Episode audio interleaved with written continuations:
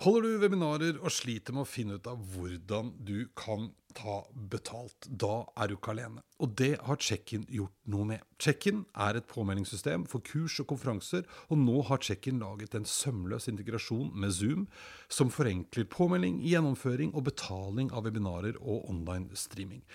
Sjekk ut checkin.no slash 30 minutter for å finne ut hvordan du kan tjene penger på dine webinarer med Check-in.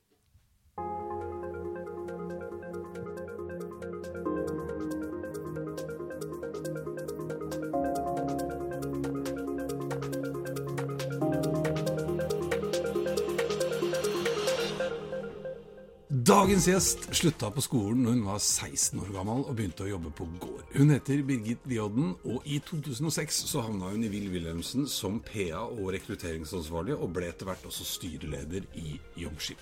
I 2014 ble hun direktør i Nordshipping, som er en av verdens største messer og konferanser innen shipping. Så gikk ferden videre, og hun ble direktør for bærekraft, havrom og kommunikasjon i Oslo Business Region. Og det var mens hun var her hun fikk intervjuet Obama under Oslo Business Forums konferanse. I 2019 tok hun permisjon fra jobben for å tenke litt, og i løpet av bare tre måneder starta hun opp The Ocean Opportunity Lab, eller Tool. Tool er et community for gründere og endringsagenter for de som skal skape endringer for en bærekraftig verden, og også for de etablerte aktørene innen havromsnæringen og fornybar energi globalt. Vi snakker opp hennes ferd via shipping og fram til der hun er i dag, og hvorfor det Tool gjør er så viktig. Og Birgit avslører også en liten nyhet, eller en stor nyhet faktisk, som slippes nå under innovasjonsdagene her i Oslo den 23. september. Dette er 30 minutter inn i fremtiden, og jeg er Eirik Normann Hansen. Hei, Birgit. Hei. Så, takk. Det skulle jeg til å si velkommen til meg, men nå er, jeg, nå er jeg på besøk hos deg. I en båt. Ja, Er ikke det koselig? Det er veldig koselig. Det er jo ja, lave dører, og det vugger ikke, da. For det er ganske stille. Det regner litt, men ellers tipp topp. Hvis du hadde kommet i går, så hadde det vugga. Hadde det vugga. Og så er det jo litt skeivt dekksgulv. Ja, det er kanskje det, ja. ja, ja men ja. sånn er det jo. Det skal jo være. Altså, lukter det båt? Mm, ja, det skal uh, det, Dette er veldig spennende. Men uh, hvorfor er vi her, på en båt? Du, Vi sitter her fordi dette, dette er uh, egentlig vår, vår arbeidsplass. Er hjemmebanen til noe som heter The Ocean Opportunity Lab, som er selskapet mitt. Selskapet ditt, ja. Hva driver Tool, har jeg lært. jeg løper rundt og lette etter en båt som heter Tool. Der ser du. Ikke så smart. Ja. Ikke sant? Hva driver dere med? Du, vi er egentlig et verktøy. Eh, en community for å bygge broer mellom gründere og endringsagenter. Og liksom grasrota av de som skal skape nye løsninger for en bærekraftig verden. Og de etablerte aktørene og miljøene innenfor havromsnæringene og fornybar energi. Globalt. Global, ja, men er det sånn bærekraft generelt, eller er det spesielt i forhold til hav og havrom? Det er jo kobla til havrommet, ja. som er kanskje det mest spennende området for å utvikle verdiskaping eh, fra og i og ut av Norge framover. Ja. Så, men på hvilken måte jobber du da? For det, nei, hvor mange er dere nå? I teamet? Ja. Nå er vi ti stykker. Oi. For du begynte i fjor? Jeg begynte for et år siden. Ja. Mm. Men hvordan jobber dere? Hva, hva bidrar dere med? Det, eh, det vi gjør eh, helt konkret nå, er at vi holder på å bygge ferdig 1.0-versjonen mm. av en, en, plattform som skal matche ressursbehov blant gründere og innovatører i bransjen med ressurser som finnes innenfor de etablerte næringene. Mm. Og på den andre siden løfte ut uløste problemstillinger fra næringa som man ønsker at innovatørene og gründerne skal ta tak i. Altså der hvor det finnes kunder som leter etter løsninger, sånn at gründerne kan utvikle løsninger hvor det faktisk finnes et marked. Det er veldig spennende. for Hvis man liksom har lyst til å engasjere seg, men vet ikke helt Jeg har ikke kommet på ideen ennå. Så kan man rett og slett ta kontakt med dere. Det kan vi. Ja. Er det for alle? Ja, altså alle som brenner for miljø og mm. hav. Ja. Mm. Hvordan står det til med havet? Ja, svaret er jo litt gitt akkurat nå, men vi har en del å ta tak i. Vi har masse å ta tak i. Mm. Um, og vi jobber jo mot en visjon om at havnæringene skal være utslippsfrie, avfallsfrie og regenerative. Dvs. Si at vi må tilføre mer ressurser og bygge opp mer liv i havet enn det vi tar ut. Fordi hvis ikke så sliter vi. Mm. Mennesker og alt dyreliv er helt avhengig av havet. Mm.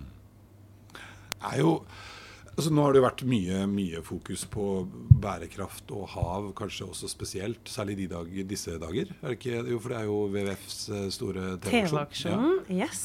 Ja. Den går av stabelen med akkurat dette temaet. Hvordan er det vi skal eh, jobbe med særlig da, eh, plastproblematikken i havene. Som mm. nå er i ferd med å innta hver minste lille art og bestanddel ja, og inklusive oss mennesker.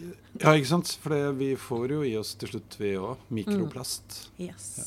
Jeg tror det er litt vanskelig å forstå ja, hva mikroplast er, for den ser jo knapt Eller du kan ikke se den. Nei, du ser den ikke. Det er problemet når den først er der. så så er den der, er den og blir der. Ja. Til vi har funnet opp en eller annen kjempesmart løsning som gjør at den oppløser seg. igjen. Mm. Men det jeg har sett nå i det siste, altså du, hver gang jeg ser deg, så er du enten i videomøte med en eller annen uh, samling mennesker i et helt annet sted i verden. Det er mye Midtøsten og arabiske emirater og der omkring. Uh, men, men er du, dere dekker hele verden, eller er det Norge liksom spesielt? Nei, altså nå har jeg jobbet internasjonalt med hele verden der hvor det er kystlinjer, mm. i 15 år. Så det er noe naturlig at når jeg bygger opp noe Vi sitter i Oslo, og jeg jobber for at vi skal ha eh, en sterk og god framtid for Norge framover. Men jeg er jo da eh, globalt tenkende fra start. Så vi har samarbeidspartnere i 17 land. Oi. På tvers av kontinenter. Og da er det klart at det, det påvirker jo hvordan vi jobber eh, og bruker tiden vår. Mm. Men hva, hva, tenker du er Hvis man liksom er bedrift i dag, forstår alle bedrifter eh, at de påvirker på, på, en eller annen måte, at de har en utfordring? Eller er det lett å liksom bare dilte etter og tenke at jeg bare fortsetter som før? Det funka jo fint. Jeg tror veldig mange sliter med å frigjøre seg fra liksom, etablerte sannheter og tankemønstre. Mm. Eh, og jeg tror det er mange som fortsatt ikke har innsett at vi står midt oppi et gigantisk paradigmeskifte. Mm. Eh, hvor vi blir ansvarliggjort på helt nye måter, men hvor vi også er nødt til å tenke helt annerledes ganske fort. Mm. Sammen på tvers av land og kulturer og industrier. Eh, for at vi skal ha en verden som vi faktisk kan leve i mm. eh, fremover. Så ja, for mange av de bedriftene jeg snakker med, de, de, skjønner vel på sett og vis at det er alvor. Jeg tror ikke alle vi mennesker helt har tatt inn over oss hvor alvorlig det er. For det er jo noen ganger, må jeg innrømme, litt vanskelig å, å se. Og jeg tror det, det, ligger jo veldig i menneskers natur. Vi, mm. eh, vi, er jo skapt for å egentlig sikre at vi formerer oss og overlever en stund. That's it. Vi er ikke veldig sånn langsiktige sånn, av natur. Vi er mm. heller ikke så veldig endringsvillige, endringsorienterte. Mm. Det er jo skummelt med endring. Mm. Og jeg tenker at veldig mange av oss har jo en tendens til å utsette alt som er litt ubehagelig. Mm. Og når, eh, når særlig sånn næringslivet ledes av uh, ofte veldig godt voksne mennesker som heller da ikke skal leve med de langsiktige konsekvensene av mangel på action nå, mm. så påvirker jo det også. Ikke sant? Du utsetter, du dytter problemene over til den neste lederen eller den neste generasjon. Mm. I stor grad drar jeg i land nå med de fem åra jeg har igjen? Også, skal, jeg drive og, skal jeg utsette ja. bedriften min for masse risiko? Skal jeg bli upopulær blant aksjonærene? Skal jeg liksom ta store grep nå? Eller skal jeg bare mm. fokusere på å booste bunnlinja på kort sikt så lenge jeg sitter i sjefsstolen, og så kan jeg bare mm. si ha det og dra på hytta og pensjonere meg? Ja, ja, det er deilig det òg, da. Jeg, jeg, må innrømme at jeg, litt, jeg var i, i, sommer så var vi på Utjan, som er en bitte liten øy utafor Hitra, ytterst i Trondheimsfjorden fantastisk vakkert sted. Og det ser jo helt uberørt ut nærmest når man går tur langs stranda. Og så begynner man liksom å titte litt, så stikker opp en liten uh, taustump der, og litt garnrester her. Og sant, det er faktisk ganske mye. Et sted som ser vakkert ut også. Uh, og, og, det tror jeg ikke alltid man tenker på. Men, men kan man få hjelp, liksom? Altså, jeg tenker at, for jeg snakker da med en del folk og del ledere og bedrifter, og så, så syns de det er vanskelig å finne ut av hvordan de skal sette mål. som liksom harmonerer med å være bærekraft. Altså om det er noe triple bottom line som har Mm. blitt veldig Hvordan i alle dager skal jeg i min lille bedrift sette et mål som er fornuftig, da, Ja. på de tingene? Og, og det vil jeg si, eh, jeg satt jo som eh, prosjektleder for næringslivsprogrammet til Oslo som europeisk miljøhovedstad, eh, Mm. som var i fjor. Eh, der laget vi en måte å jobbe på uh, for næringslivet som passer egentlig for store og små aktører, og som går på å bruke kundekraften din. Mm. Uh, og jobbe med innovative innkjøp og bruke den makten du har når du skal velge leverandører og samarbeidspartnere. Mm. Så jeg tror at selv for de bedriftene som kanskje enda ikke har kommet dit at de klarer å snu helt om på kjernevirksomheten sin, så tror jeg at det, det bedrifter kan gjøre sånn helt konkret, Mm. det er og, og dette er ting vi gjør helt fra start hos oss i TUL, det er at du eh, flytter eh, obligatoriske pensjon- og forsikringsordninger fra svarte til grønne fond. Mm. Eh, du sikrer f.eks. at eh, bud og leverandør og transporttjenester, da velger du de som leverer grønt. Ja. Eh, du kan kutte unødvendig engangsplast. Altså du, kan, du kan passe på at du jobber med leverandører som sikrer både sosial og miljømessig bærekraft. Sånn at hver gang du handler, så bidrar du på å gjøre noe positivt direkte, men også indirekte, gjennom at de du jobber med, også igjen bidrar til eh, et sosialt løft. ja, ja. ja, for dette er litt, Jeg hadde besøk av Espen Karlsen i Jernia. Mm. Uh, og han ble jeg litt overrasket over når han fortalte hvordan liksom bitte lille Jernia For Jernia er ganske liten i global målestokk. Mm. Men de har vært veldig fremoverlente? de har vært fremoverlente. kjempefremoverlente, og han viser jo at det nytter å også påvirke produsentene dine, f.eks. Yes. Og, og jeg tror jo det som er, eh, det som er kjempeviktig fremover nå også, er jo at, at vi er gode på å dele løsninger og best practice med hverandre. Mm. Fordi ofte så er det jo litt vanskelig hvis du skal finne opp hjulet på nytt på alt, hvis du skal gjøre store, tunge prosesser internt. Mm. Jeg tenker at det er veldig mye vi kan lære av det som andre har gjort. Mm. Kopiere og tilpasse gode løsninger som andre har fått til. Og så tenker jeg også en annen sak som, som går på mye det, det som Skift Norge gjør, med Bjørn Haugland, det som var Norge 2030-40 eh, før. Det er jo det der med å samle mange aktører i næringslivet om å gå sammen og bruke sin kundemakt for å eh, påvirke mye, mye større aktører og liksom punche langt over vektklassen din. Ja, for Det syns jeg er litt nydelig nå. Eh, Jeg har jo vært med en stund og, og føler jo nå at det å faktisk samarbeide også med konkurrenter på enkelte områder, det er liksom mye mer opp i dagen og innafor nå enn det det var før. Før, hvis man fant på noe smart, så hold det hemmelig. For guds skyld, ikke del med noen, for dette blir et konkurransefortrinn. Nå er det nærmest motsatt, føler jeg, på enkelte områder. Opplever du det samme? Eh, jeg forholder meg egentlig ikke til konkurranse. Vi jobber med bærekraftsmål 17, Mm. samarbeid for målene, som vår ehm, hovedbærer i alt vi gjør. Og jeg har alltid jobbet med samarbeid Arbeid, ja. som konkurransefaktor. Mm. Uh, jeg tenker at uh, vi, skal, vi skal inn og få til så mye endring fremover. Trenger, det, den endringen kommer ikke til å skje bare gjennom mitt prosjekt eller mitt initiativ. Mm. Den endringen den skjer bare hvis det er mange nok av oss som tenker annerledes og dytter på, som jobber sammen. Mm.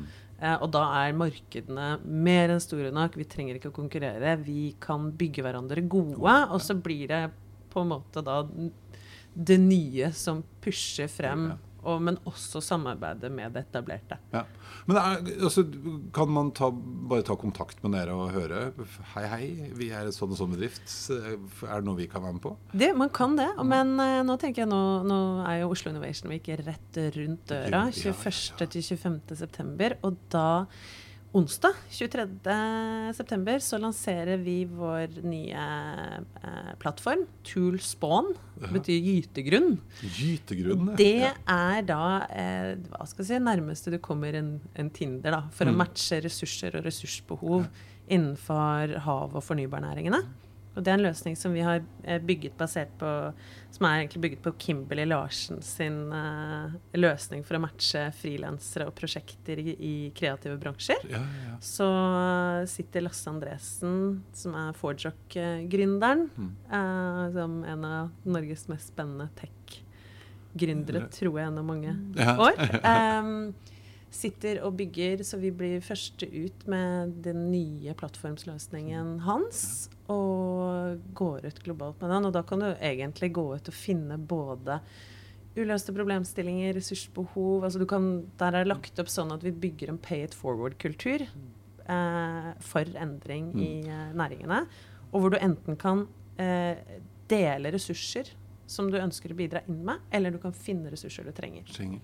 Fantastisk spennende. Når skal den lanseres under Under Oslo Innovation Week. Wow, Mm. Sammen med Kimberley og Lasse og hele gjengen. Hele gjengen, ja. ja for, det, for det er jo ofte litt av problemet, føler jeg, som dere har tatt tak i, er jo nettopp å lage den plassen som er litt for alle.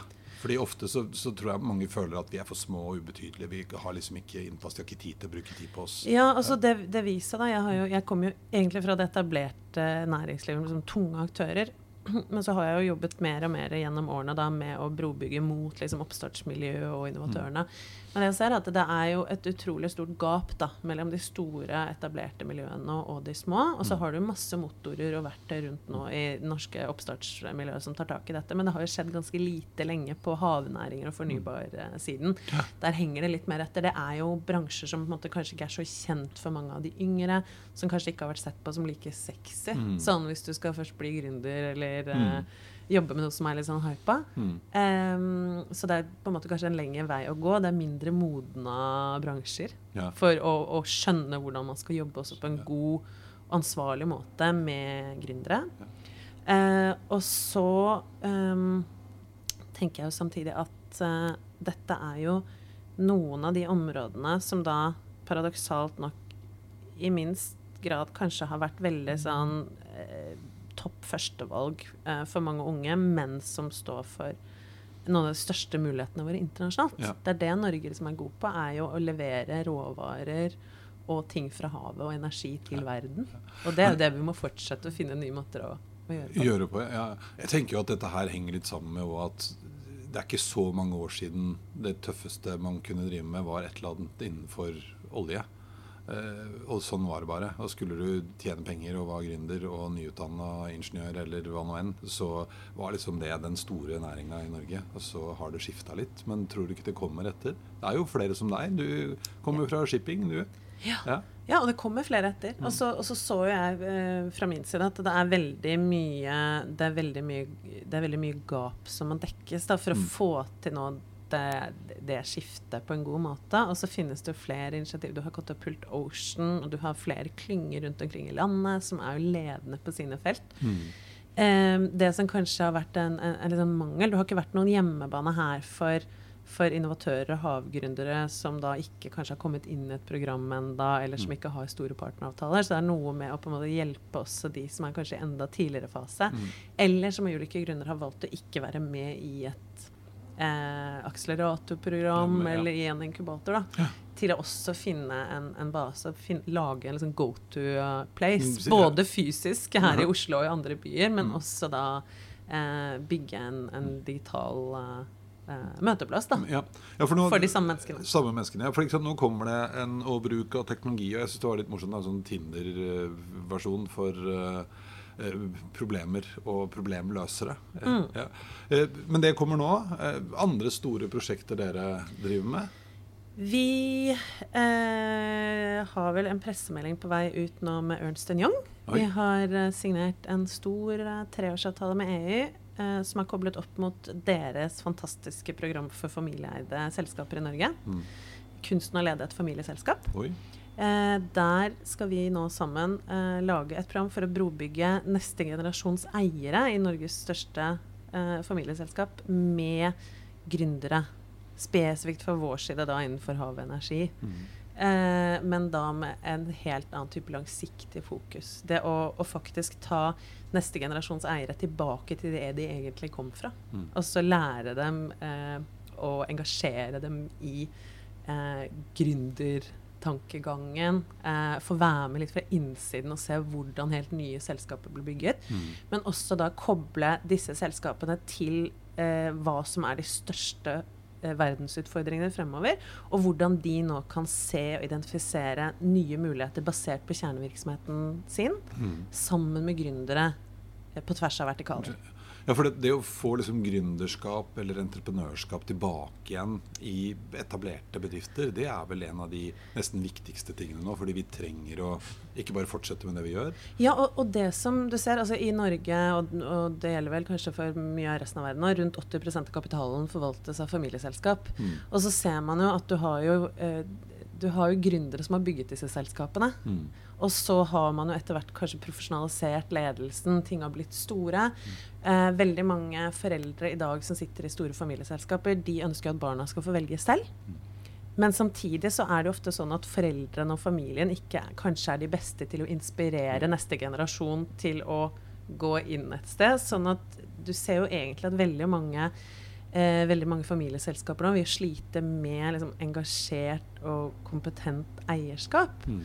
Eh, og hvis du ender opp med å bli sittende og være en passiv eier som ikke har måte, et forhold til hva du forvalter, og mm. hvordan du faktisk kan bruke det til å skape varig verdi, være med på å endre samfunnet i riktig retning, mm.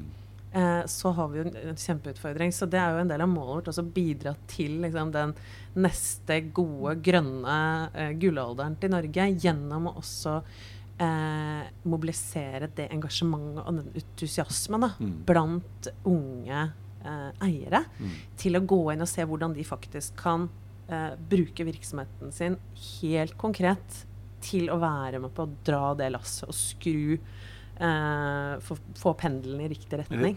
ja. Så det er et kjempespennende prosjekt.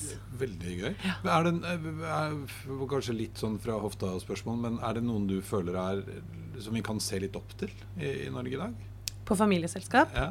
Altså nå har uh, Jeg tror faktisk Aino Olaisen og hennes familie Nova Sea i Nord-Norge er helt fantastiske. Så har vi jo Grieg-familien. Mm. Eh, da, de, eh, da nåværende generasjon med Elisabeth og hennes søsken arvet, så utskilte de 25% av Grieg til å være en stiftelse som bidrar tilbake til gode formål.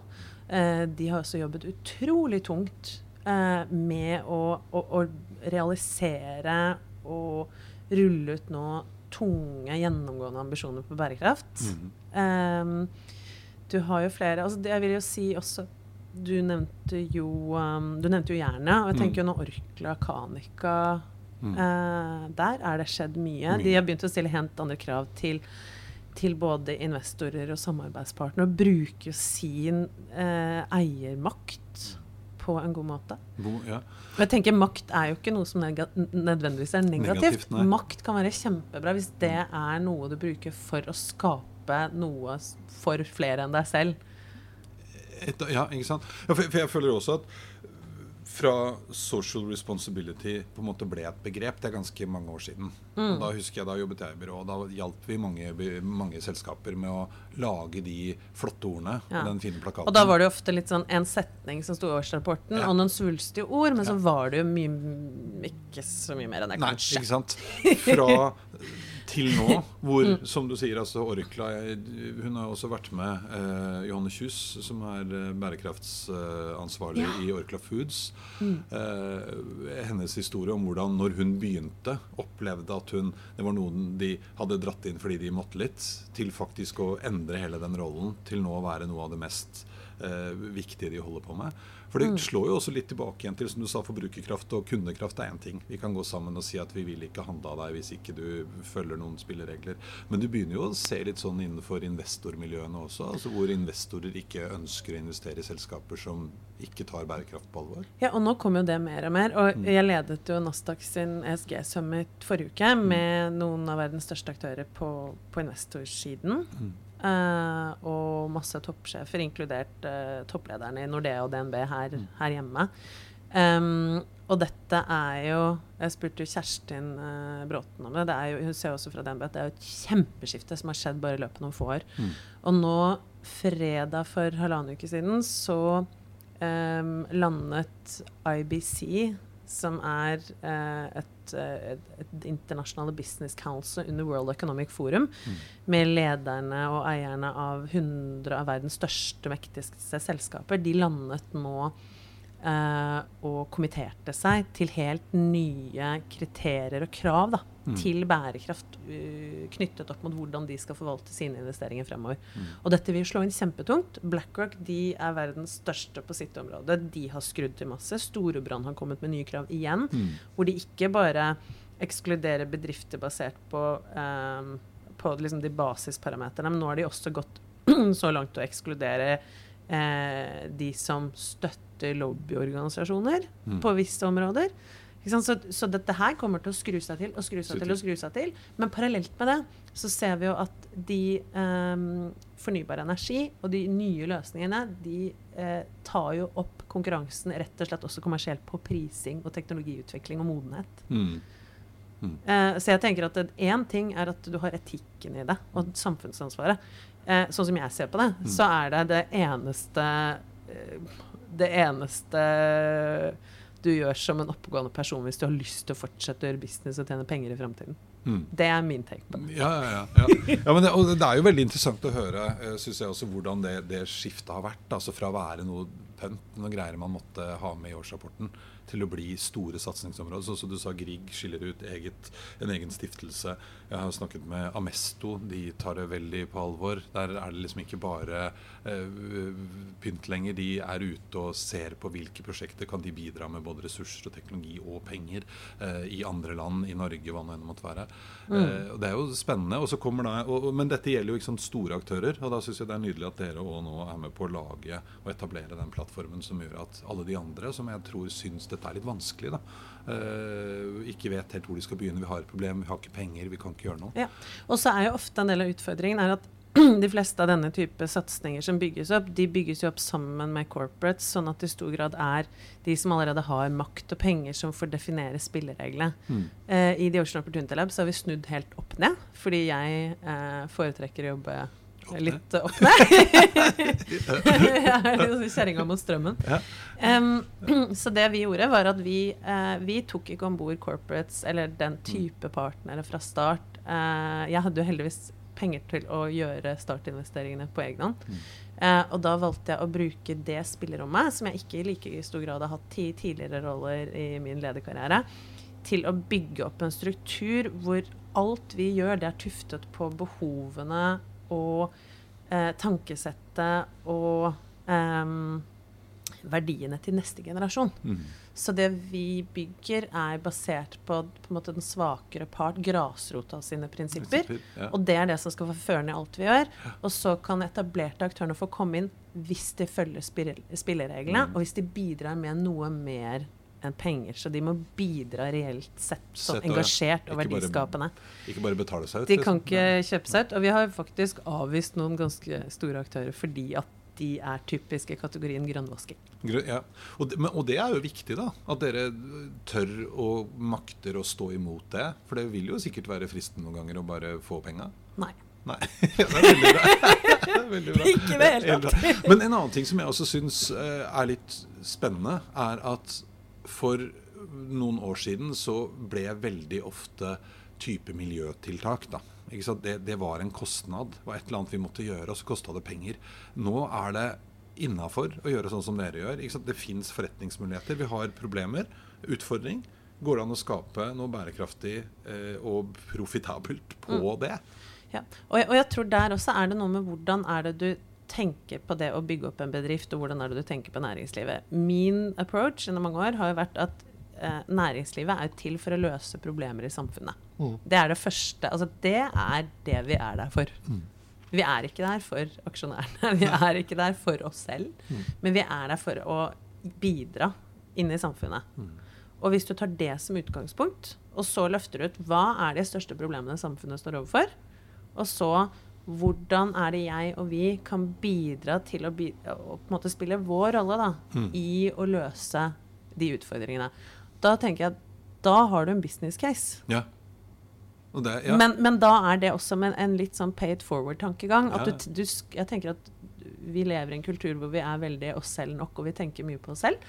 Eh, jeg tror at veldig mange hadde tatt mye bedre avgjørelser i bedriftene sine og i egne liv hvis de hadde tenkt først hvor, hvor er det jeg kan tilføre noe overfor andre? Hvordan er det jeg kan bidra til andre? Og så jobbe derfra. Og da tror jeg faktisk, så naiv som jeg er, da, eh, at da kommer eh, da kommer businessen Ja. med det. Jo, jo men, jeg tror, men det er noe litt vakkert òg, syns jeg, med at det er lov å prøve å være Eller å være, ikke prøve. Å være ærlig på at man skal tjene penger på noe som bidrar til et bedre miljø og et bedre Altså hva nå enn. Ja. Eh, Og, og det var også noe som var veldig viktig for meg da jeg etablerte Tool i fjor. var jo, Da hadde det jo kanskje vært veldig nærliggende å tenke at vi etablerte Tool som en medlemsorganisasjon eller non-profit Mm. og den biten. Men Tool er jo da det vi har kalt et kommersielt, eh, men impact-fokusert selskap. Så det er et kommersielt selskap, men som er bygget på det som heter regenerativt lederskap. Mm. Fokuset er at vi skal tilføre mer tilbake inn i økosystemet enn det vi på noe som helst tidspunkt tar ut. ja. Um, og det er bare et Det er et annet mindset. Mindset, ja. Ja. ja. Fantastisk spennende. Nå begynner tida å løpe ut her. En halvtime går jo fort som vanlig. Men det å matche faktiske utfordringer med eh, folk som faktisk kan løse det, eh, gjør jo at gründere kan begynne med noe hvor det fins kunder. Eh, det handler om litt som du sa, også tenke forover. Se hvordan kan jeg bidra med noe eh, som gjør løser en eller annen utfordring, et eller annet problem. Mm.